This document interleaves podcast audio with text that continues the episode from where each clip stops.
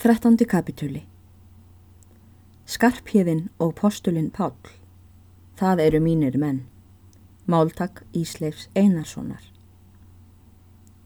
Á meðan prestur og grímur áttu þessa ræðu í stofu var kirkifólkið smátt og smátt að tínast á stað og urðu nú engir eftir nema þeir sem ætluðu að vera þar um nóttina. Einn af þeim var maður nokkur er Bjarni hétt og var Áskrimsson. Hann bjó á bæ þeim sem leiti heitir. Það var isti bær í sókninni. Bjarni þessi var ekki maður og átti hann börn nokkur og voru þau öll frá honum komin. Var Finnur Bjarnason á stað einn svona hans. Hann var að efnum talin með hinnum betri bændum þar í hrepp.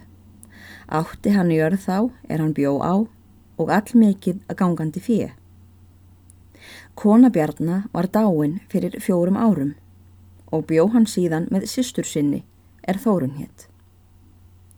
Hann var búhaldur góður í betra lægi og með því hann var ómagalös maður en hafði fjölskyldu litla var það almann á rómur að heimilis ástæður hans væri svo góðar að vel mætti honum græðast fyrir eða að minnstakosti svo mikið sem svaraði því er hann þurfti meiri mat en aðrir menn.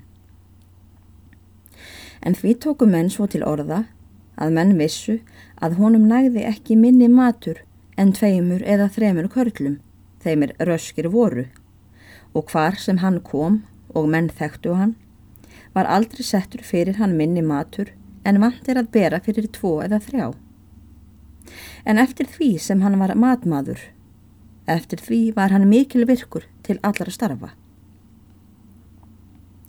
Hann var hármaður vexti og að því skapið þreklegur. Allra manna var hann hraustastur. Var það almæli að aldrei hefði honum orðið aflfátt. Bjarni var ekki fríður maður yfirleitum, en þó ekki ókarlmannlegur.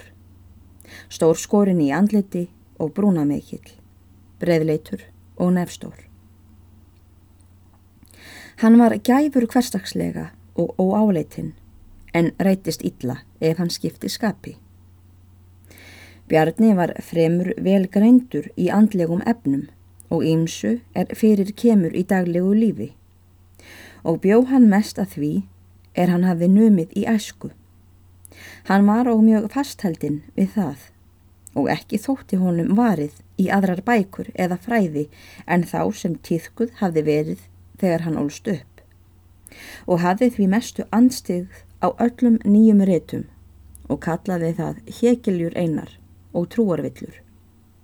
En þó var hann allra manna trúgjarnastur á allt það er öðrum mönnum þótti ótrúlegast og mestum sætti fádæmum og hindurvittnum, einkum um aflraunir fornmanna hafði hann jafnan indi að því að heyra allt þess áttar og segja frá því aftur og stóðust ekki reyðari en ef einhver dró Eva á frásögnin hans. Fyrir þessu þótti hann nokkuð kátlegur og var ekki trútt um að hinn er yngri menn hendu gaman að öðutrúmennsku hans. Bjarni var daglega svo klættur að hann var í gráum stuttbrókum og hvítum sokkum með rósabönd og síðum ból bláum, tvínheftum, með rendum beintölum. Jafnan hafði hann riðið trefilum hálsun og istfata bar hann kuppl gráan en náði liðlega ofan fyrir mittið. Á helgidögum og mannfundum var hann svo klættur að hann var í blári mussu, silfurneftri og á röndóttum ból, síðum og bláum prjónbuksum með klauf og þremur flötum silfurnöppum í. Sokkarnir voru ljósbláir, brúðnir.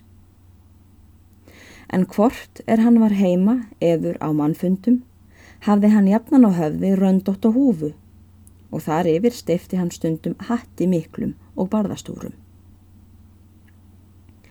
Þetta skipti ætlaði Bjarni að fara frá kirkjunni á stað í erendagjörðir nokkrar á bæn okkur.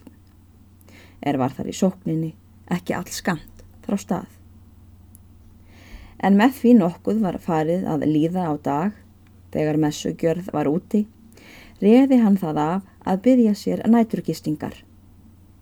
Var honum vísað til sætis í húsi þeirra hjóna og satt hann á rúmi húsfreyju og krosslagði fæturna fram á loftið, tók ofan hattin og setti á rúmið hjá sér, en satt með húfuna á höfðinu, því hann tók hana sjaldan ofan nema í kirkjunni.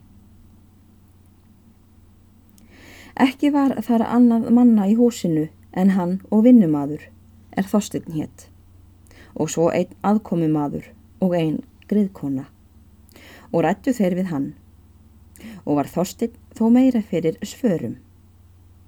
Var þetta eitt af ræðunni að Bjarni teku svo til máls. Meðal annara orða þorstitt góður. Hvað sagði þessi langferðamadur í frettum eða hvaðan kom hann? Vestan af vestfjörðum. Af vestfjörðum. Aldrei hef ég á vestfjörðu komið, en það hef ég sannfrétt að þar eru ákaflega miklir galdramenn og sérlega máttugýr. Þar var latínu bjarni eða djöblabanni. Þóðurmóður í Gvandaregjum er bílingjörði að honum otti lögmanni. Þar voru bölhúsabræður, hallur á horni og fleiri og þaðan var hún komin, skrattin hún kvítarvallaskotta. Er nokkuð að frétta þaðan? Ekki nema að þar hvað hafa verið í vetur þau hörku grimdar aftök sem engin mann dæmi til annars eins. Því þegar hann fórað vestan var gengið af horni langt fyrir framann alla fjörðu og beint á látrabjarg. Og þaðan var farið með lest undir snæfellsjökul. Þá var lagt allt sem augað eigði út á haf.